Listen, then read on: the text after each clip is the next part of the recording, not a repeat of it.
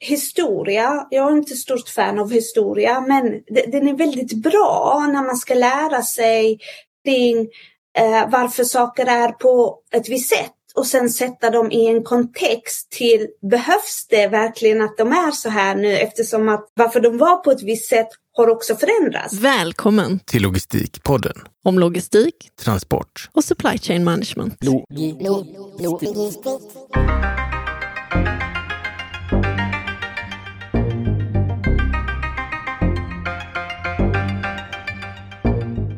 Varmt välkommen till Logistikpodden.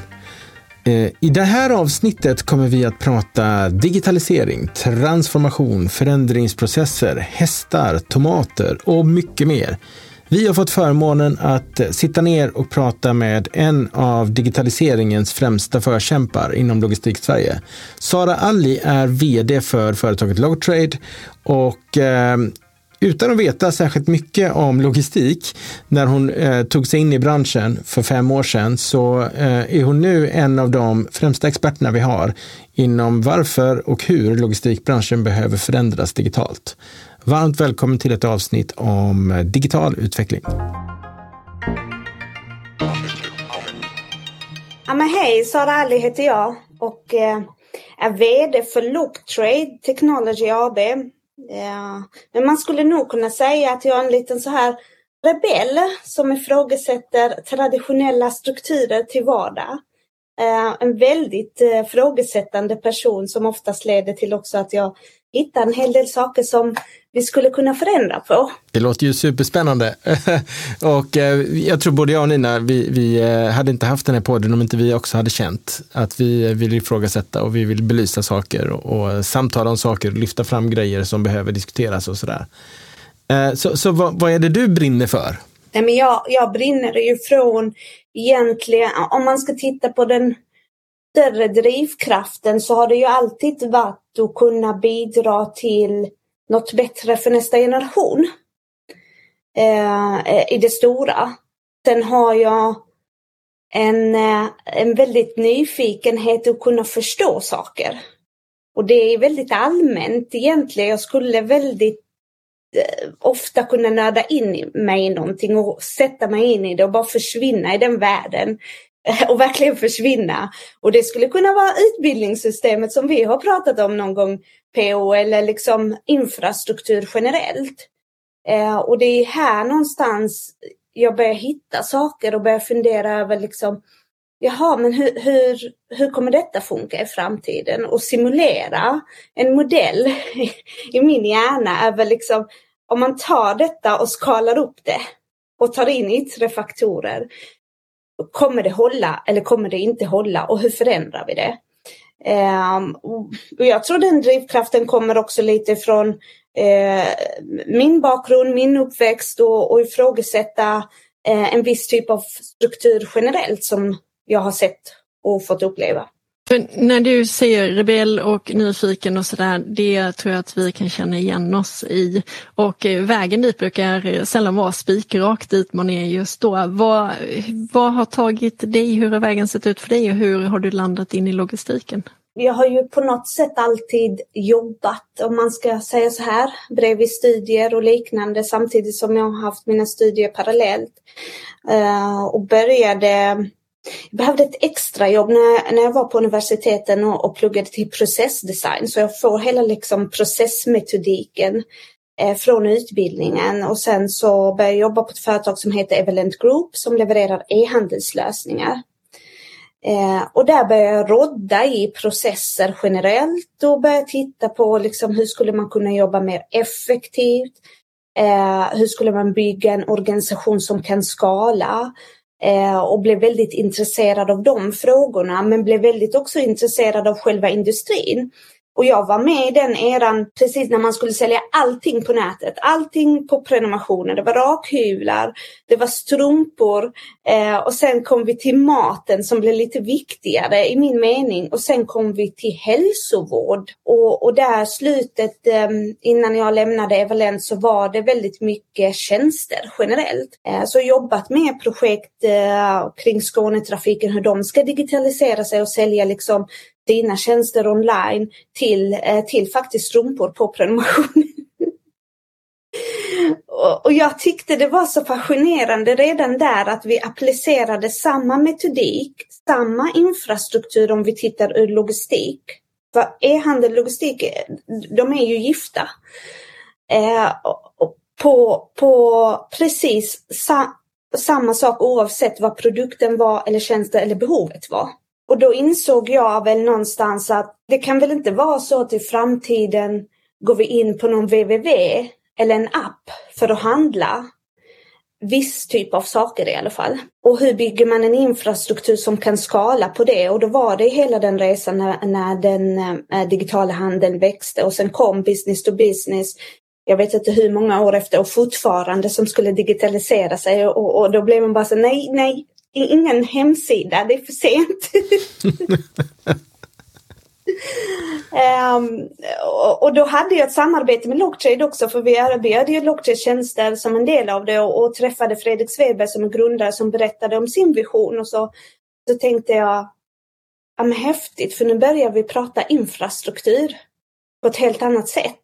Eh, och hur, hur frigör man produkter och logistikresurser så att de kan nyttjas på ett bättre sätt. Eh, så, så den lilla resan, och det var något drivkraft, för jag utmanar ju lite också mig själv även på Evelent-tiden och blev VD för företaget väldigt tidigt. Eh, och, och hade, hade redan eh, folk eller samarbetspartner som ringde tidigare, ägare och grundare och tänkte, vad tänker ni liksom? Digitala tjänster, IT-världen, en ung tjej. Hur ska det gå? ja, precis som det alltid har gått med alla andra som har haft en sån position. Eh, så, så även i, i, den aspekten har jag tyckt om att utmana en viss typ av struktur. Eh, sen har jag släppt lite den, man mognar ju och, och vet att det är inte där egentligen man ska lägga sin kraft utan det är mer på sakfrågan. När du pratar om infrastruktur så tänker jag det finns ju både en fysisk infrastruktur och sen så finns det liksom en digital infrastruktur. Vad är infrastruktur för dig? Det är egentligen både och. I, i den världen vi lever nu just nu så är det eh, faktiskt eh, kombinationen av båda två, hur de ska samverka. Det är, riktigt, det är lite där vi har flaskhalsarna. Vi har kommit väldigt långt med den digitala infrastrukturen och blivit väldigt mogna teknologiskt, eller i eh, vissa delar av världen ska jag rätta mig att säga. Eh, och infra, den fysiska infrastrukturen har ju byggts mycket, mycket längre tillbaka som vi försöker återanvända. Eh, men, och sen så försöker vi länka ihop dem och kompensera. Men egentligen ser vi nu att, att för att kunna möta nästa transformation och nästa generation, ja då behöver vi ändra på båda. Skulle du säga att Logtrade är ett infrastrukturbolag eller är ni en operatör i en infrastruktur? Jag skulle säga att vi är en operatör i en infrastruktur, men främst också ur, ur eh, ett perspektiv där vi främjar en viss typ av infrastruktur för att kunna eh, operera på ett visst sätt. Och den här kopplingen mellan olika infrastrukturer som du sa att båda behöver utvecklas. På vilket sätt behöver den fysiska utvecklas och hur behöver den digitala utvecklas för att de ska synka bra? Vi ser ju nu till exempel, det, det tycker jag är alltid ett perfekt exempel när vi bygger de autonoma eh, fordonen, om det är lastbilar eller personbilar eller så vidare som ska köra själv på vägarna kanske någon gång i framtiden. Eh, eh, men gör det redan har fått lov i Texas till exempel. Och, och, och då, då går det inte att ha vägar eller trafikljus som en människa ska läsa av. Helt plötsligt har du ju eh, en lastbil som ska läsa av den och där har du ju den starka eh, praktiska exemplet på hur det måste förändras. Samtidigt så har du ju kopplingen till vem är egentligen motorn nu för den här lastbilen? För det är ju inte en människa som sitter och det är ju någon dator. Och där har du kopplingen mellan det digitala och det fysiska. Um, och, och, det är ju när vi bygger liksom uh, ny typ av, uh, av, av lastbil och så vidare. Men sen så har du ju den traditionella som ska bryggas. En kopp till exempel.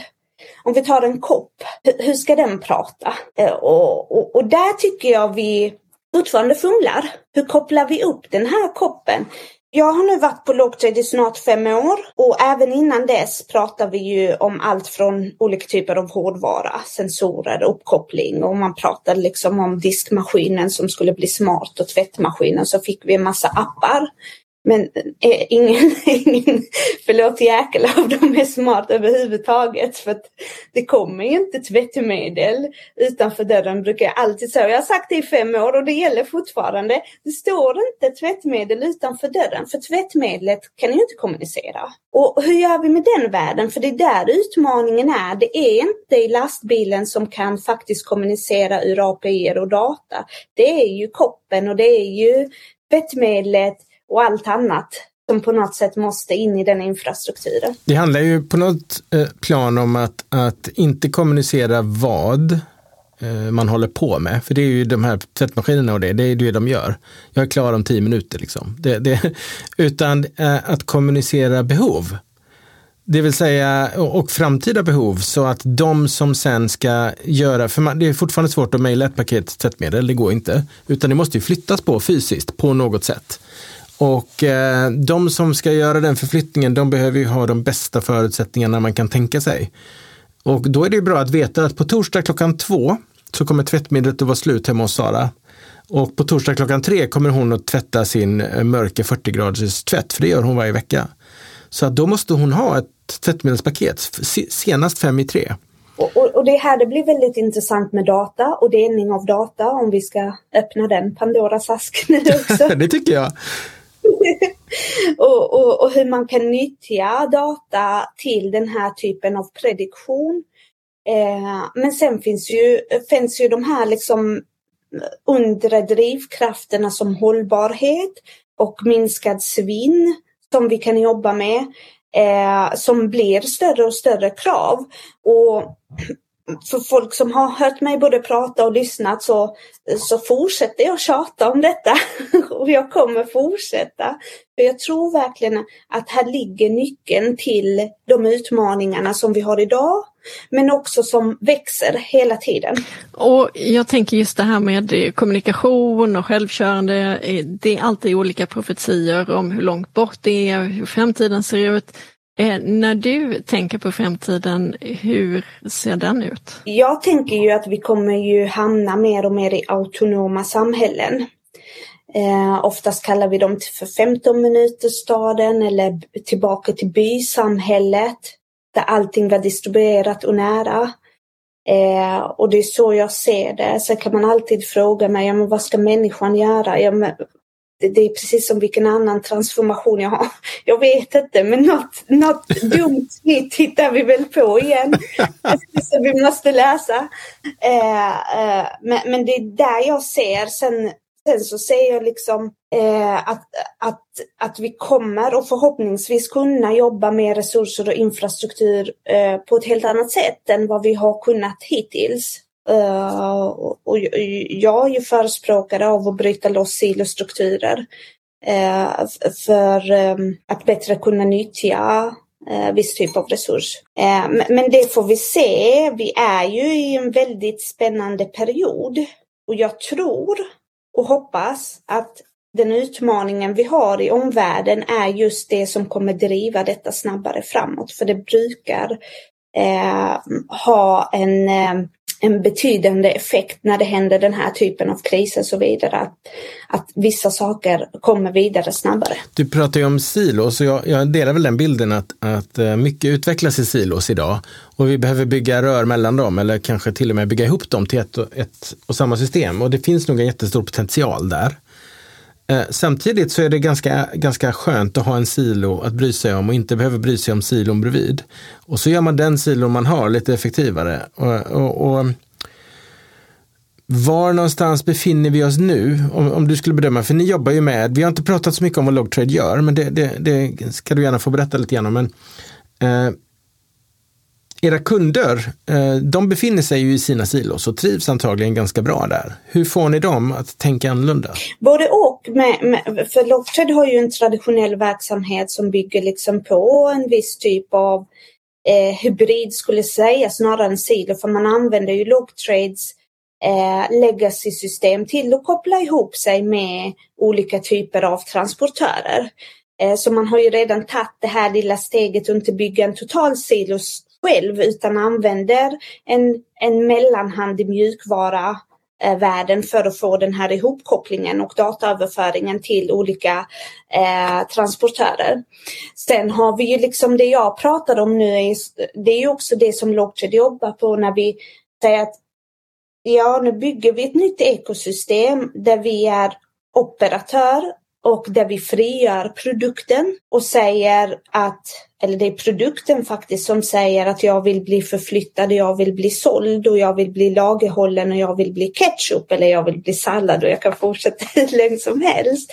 Och, och, vi är ju någonstans där i fasen på uppkopplingen och datadelningen. Eh, och, och, och våra kunder, när vi tar en dialog med de som är i, i legacy-systemet så tror jag det är väldigt viktigt i att den här förändringen blir inte en förändring där eh, de måste eh, göra en total nyinvestering i sin infrastruktur, särskilt den digitala infrastrukturen. Utan vad vi än bygger här så måste det någonstans bli eh, en addering till det de har. Sen med tiden så brukar det bli så att någonting faller bort som inte behövs om det är en funktion eller ett system eller om det är en infrastruktur. Vi jobbar ju hela tiden med den här bryggan, för den bryggan blir nästan den viktigaste. Den blir viktigare än, än när vi väl är över. För de som inte känner till Logtrade, eh, du har ju avslöjat lite här vad det handlar om och produkter som kommunicerar och sådär. Men vilka är era kunder och vad är det för tjänster som ni jobbar med? Våra kunder är ju oftast godsavsändare eller som vi ofta kallar dem för shippers. Eh, sen på andra sidan så har vi ju ett stort eh, partnernätverk med olika typer av eh, transportörer eller operatörer Eh, men även också fordonstillverkare nu när vi pratar om det nya ekosystemet. För att om en produkt ska kunna prata så ska en lastbil också kunna kommunicera direkt.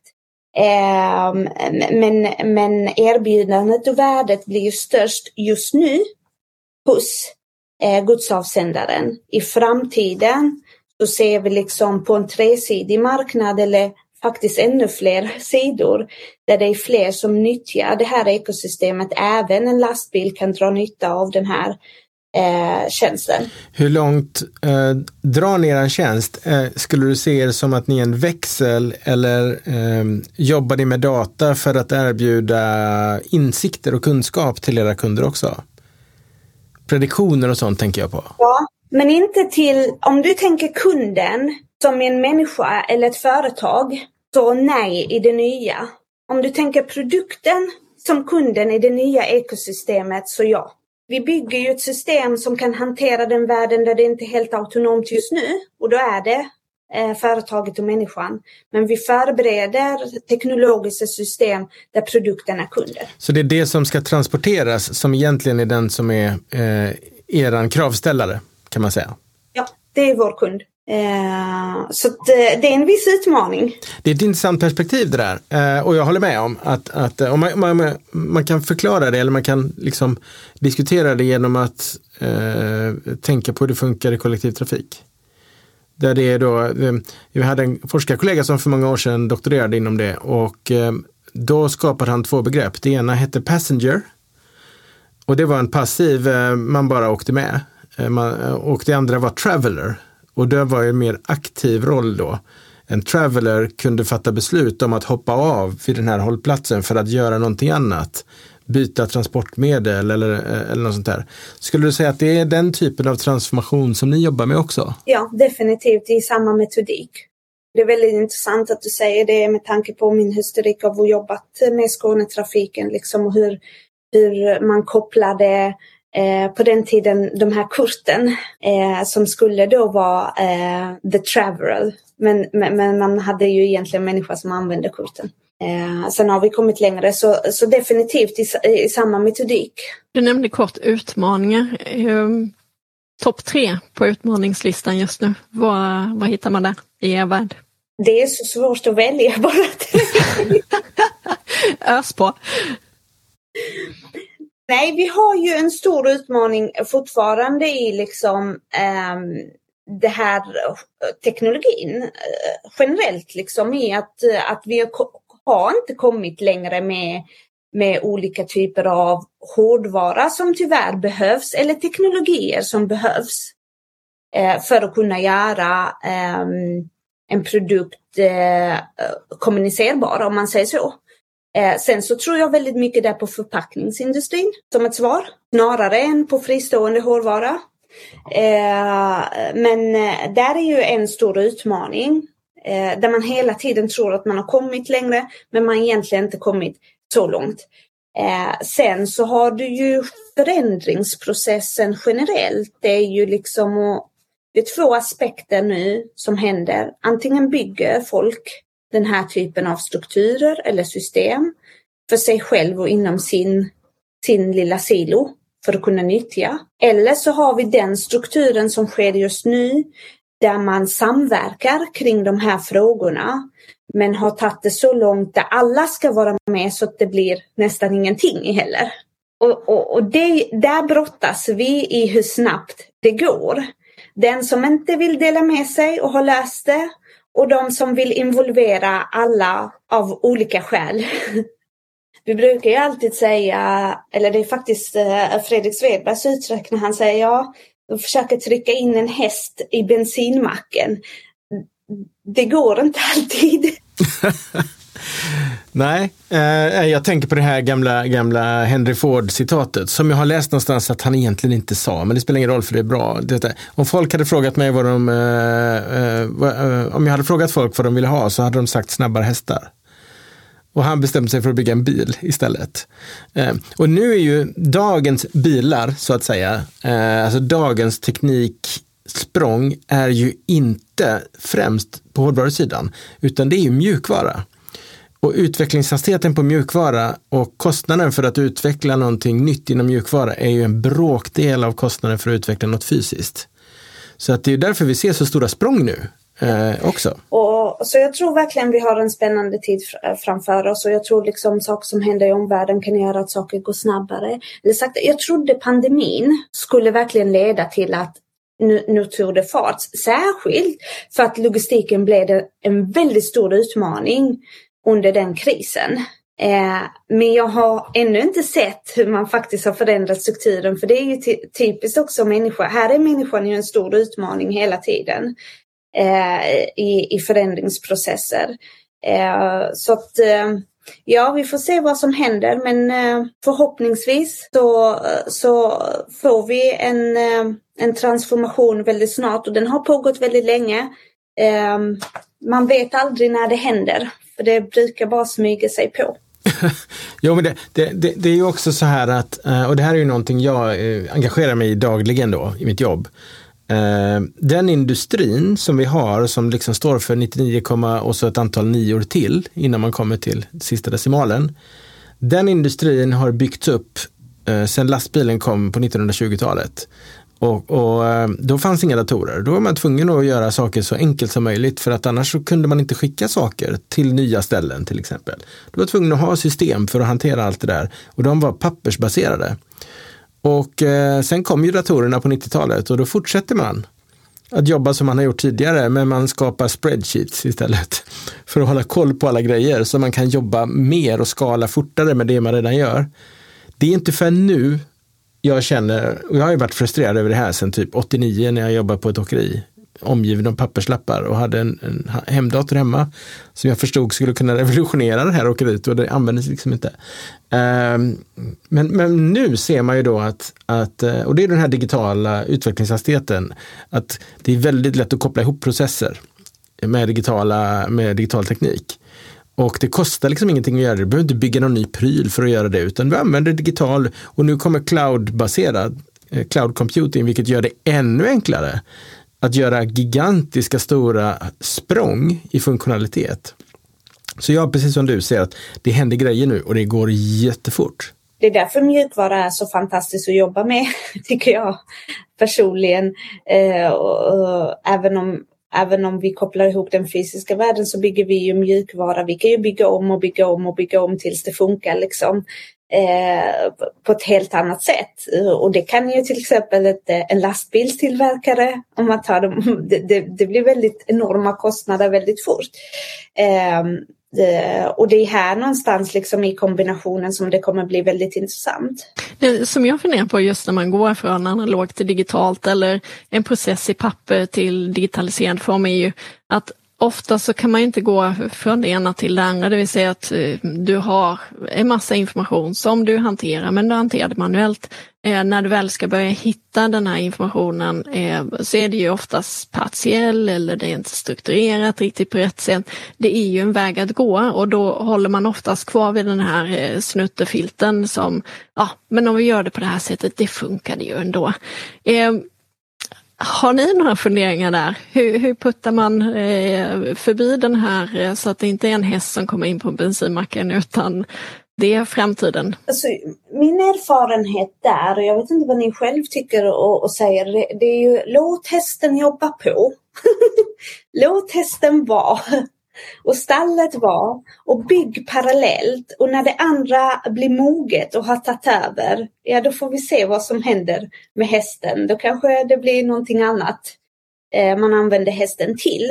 Eh, eller ingenting. Men, men, men, det är nog vad jag tycker är det bästa tipset. Särskilt i större organisationer.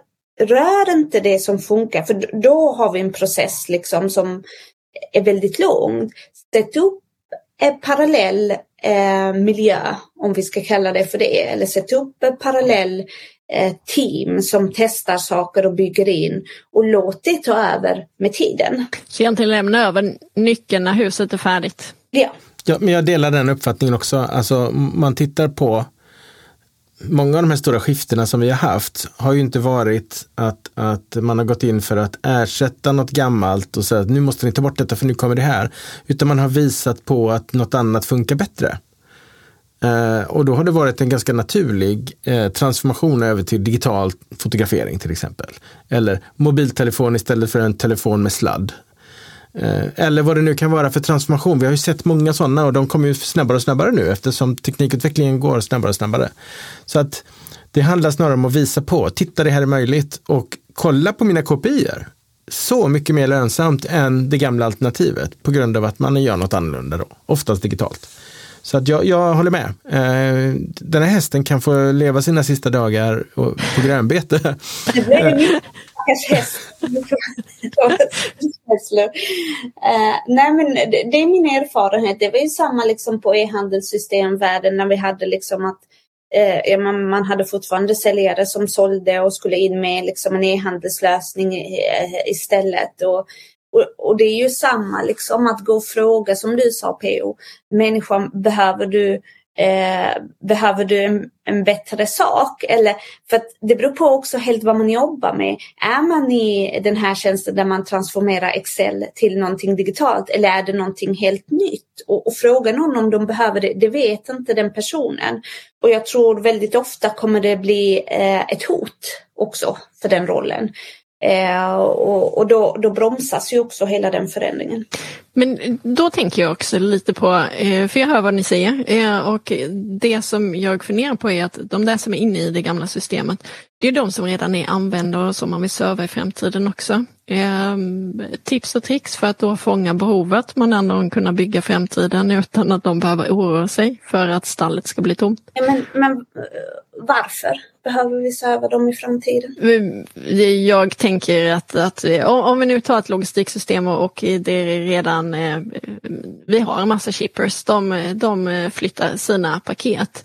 Eh, ska du bygga en ny struktur för det och ha produkter som kommunicerar så kanske du behöver veta eh, vad det är för typ av produkter, eh, vad är det för tjänster som efterfrågas och, och den typen. Ja, och jag tänker ju där liksom, det är ju samma på sätt upp parallellmiljön även för dem och det är kanske inte exakt samma liksom eh, shipper, men det, det, det, det är definitivt de personen som redan idag jobbar som godsavsändare som kommer vara med i framtiden. Men det är transformationen där handlar inte om att serva dem i framtiden utan bygga det här nya som de kan följa med till eh, i, i, framtiden.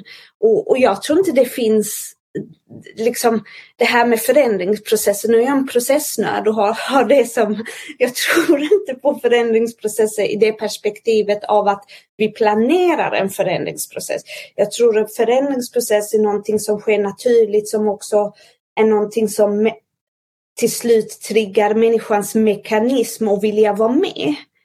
Eh, men det måste, det måste vara lite i ett hörn inmålad för att du ska känna att okej, okay, nu måste jag verkligen över och börja använda den här, det här systemet. Eh, och det kan vara, eh, som jag brukar säga, antingen fear eller, um, um, eller förlåt, pain eller gain.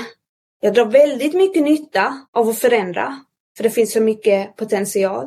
Eller någonting kommer jag gå miste om här eller någonting kommer hända min verksamhet eller jag som anställd om vi skulle ta det till och med till den nivån.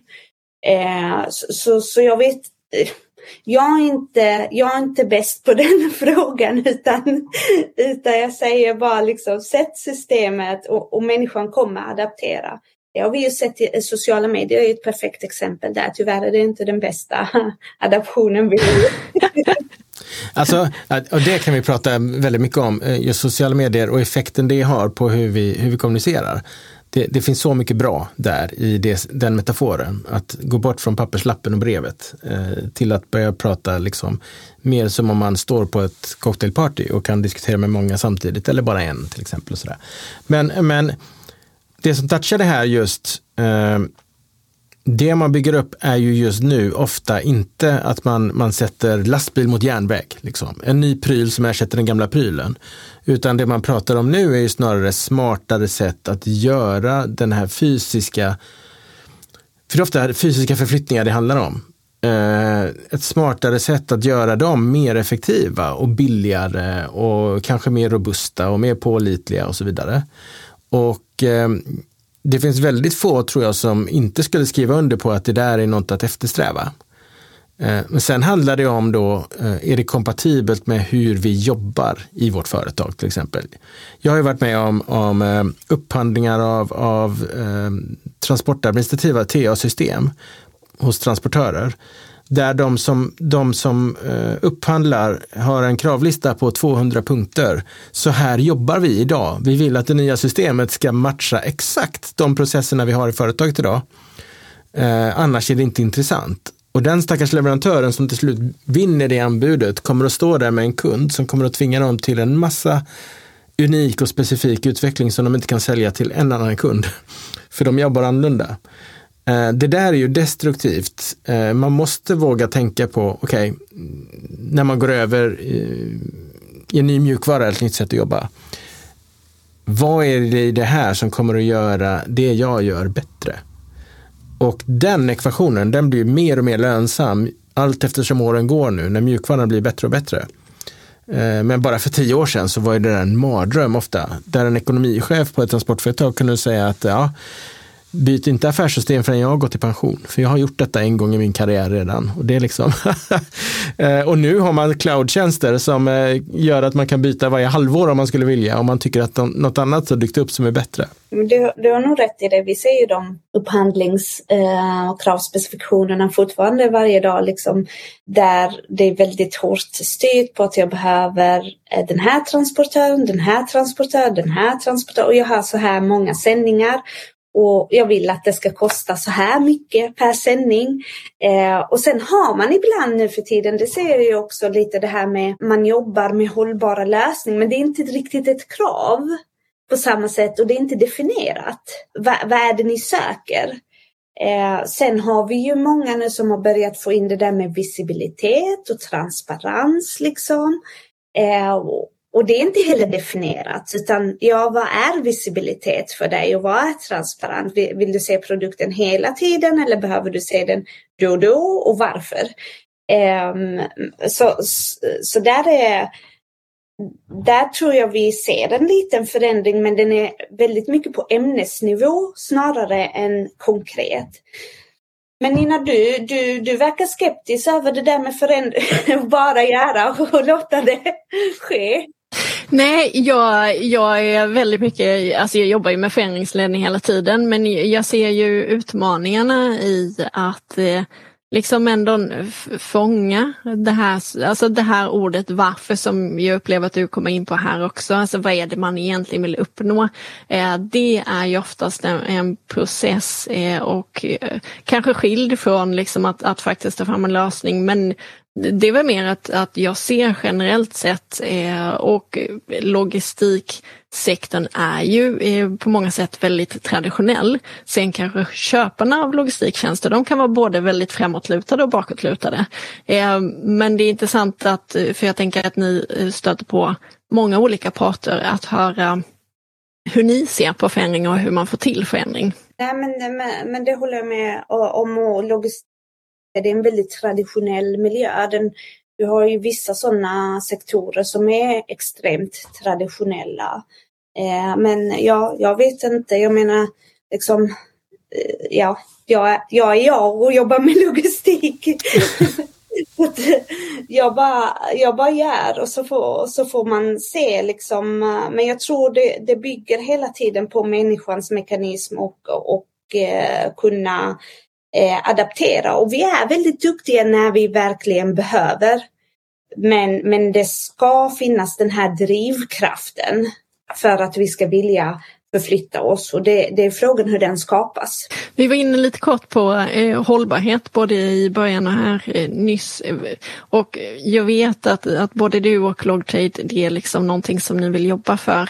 Eh, hur ser du att vi kommer kunna röra oss åt rätt håll och vilken potential finns inom vår bransch? Jag tror i, i, i vår bransch så handlar hållbarhet mycket om nyttjande av resurser och på vilket sätt vi nyttjar dem, vilka alternativa sätt vi bygger för resurser som går att nyttja på ett bättre sätt.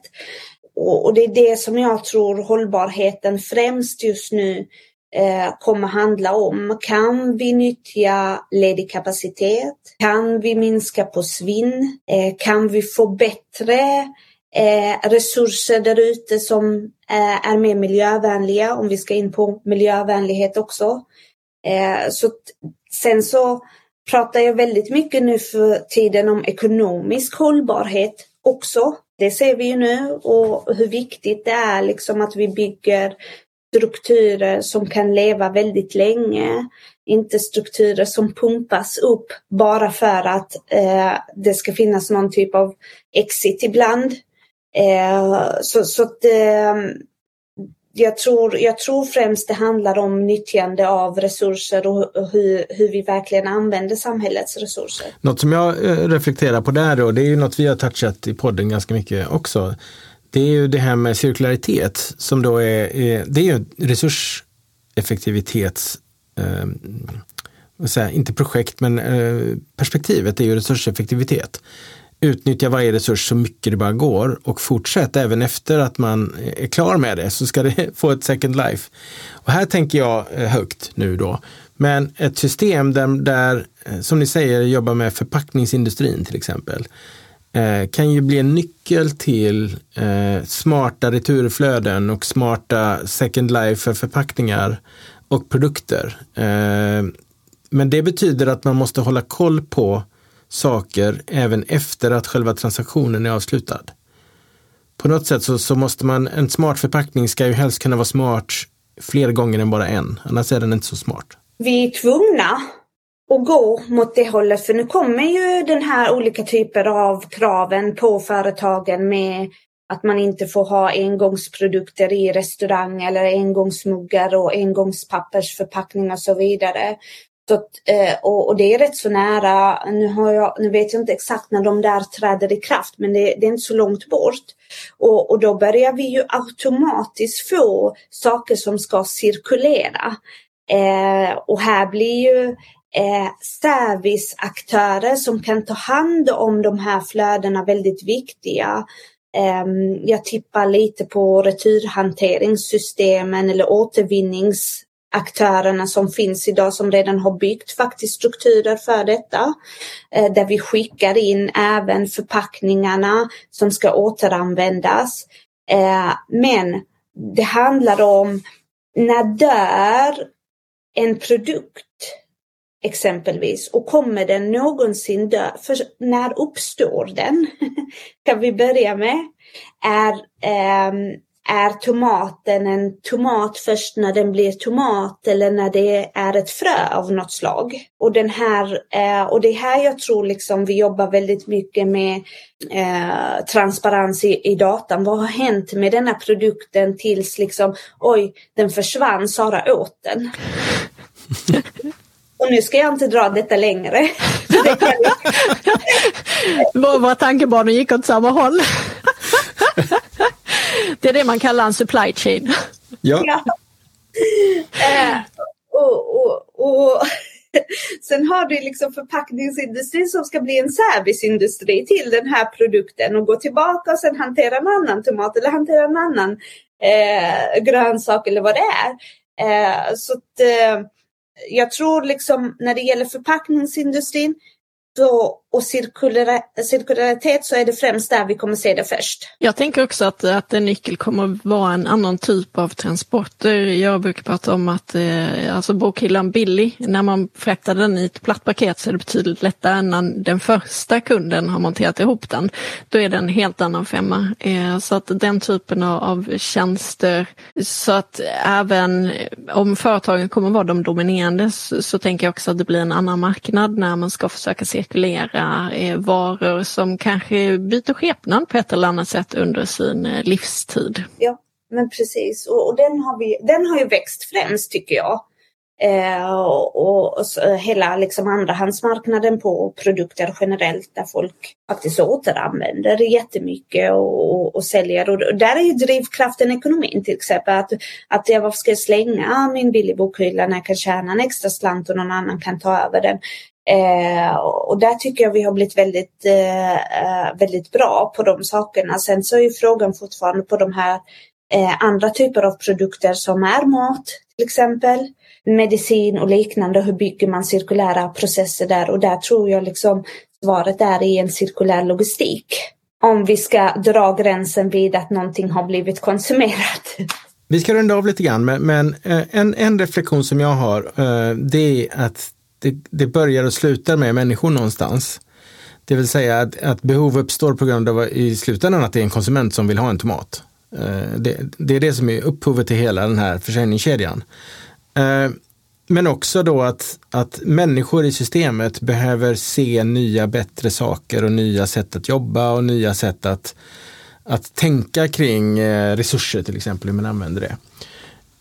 Många som lyssnar på podden är eh, personer som vill, eh, som antingen befinner sig i logistikbranschen eller vill in i logistikbranschen på olika sätt. Det kan vara studenter eller människor som vill byta bransch. Vilka är dina bästa råd till de som ska eh, in i logistikbranschen? Mina bästa råd är, det är ju nyfikenhet och skapa förståelse. Alltså, historia, jag är inte stort fan av historia, men den är väldigt bra när man ska lära sig kring eh, varför saker är på ett visst sätt och sen sätta dem i en kontext till behövs det verkligen att de är så här nu eftersom att varför de var på ett visst sätt har också förändrats. Till exempel att vi, vi skapade en logistikstruktur för militära system egentligen från första början. Men just nu vill jag köpa eh, tomat eller köpa en kopp kaffe. Det är inte riktigt ett militärt system. Uh, så jag tror liksom för att börja komma in i den förståelsen så ska man nog grotta sig lite i, i historiken för att förstå vad är det för nya behov som kommer behövas. För nu, nu är det inte ett strids eh, fartyg här eller någonting utan nu är det faktiskt bara en kopp kaffe jag, jag behöver. Eh, sen, sen så, jag tror logistik är så om någon hade frågat mig för sex år, kommer du jobba med logistikfrågor aldrig i livet? det är så jäkla tråkigt liksom. och, och för mig var jag så basic i mina tankar att jag tänkte liksom på frakter och fraktpriser. För det var det enda jag visste från e-handelsvärlden, alla som skulle förhandla ner de här fraktpriserna.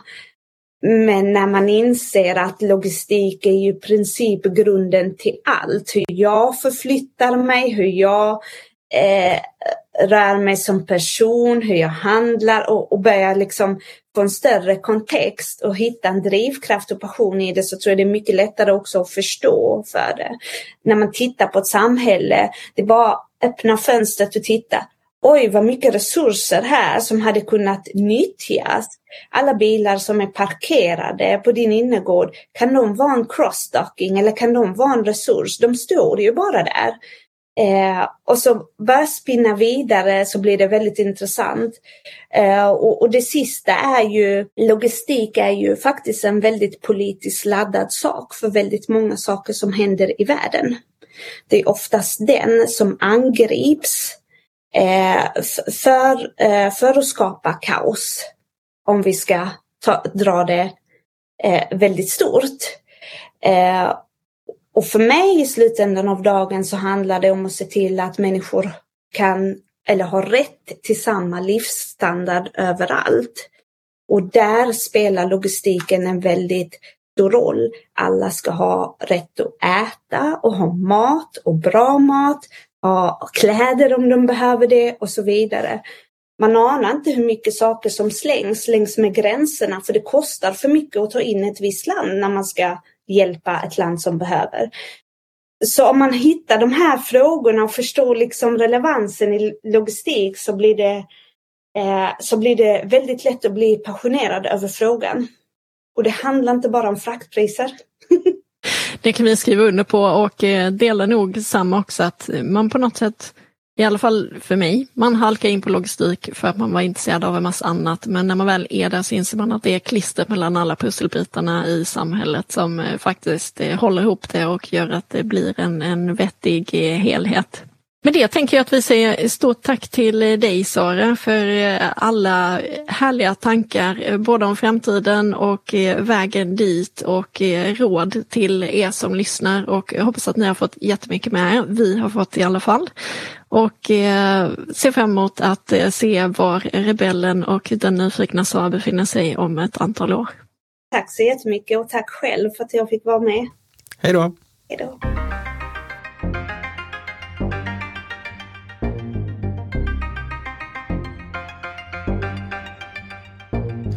Varmt tack för att du har valt att lyssna på Logistikpodden. Vad tyckte du om det här avsnittet? Följ oss på LinkedIn. Där kan du också gå in och kommentera och diskutera vidare med andra logistikintresserade personer. Så missa inte det. Vi ses där.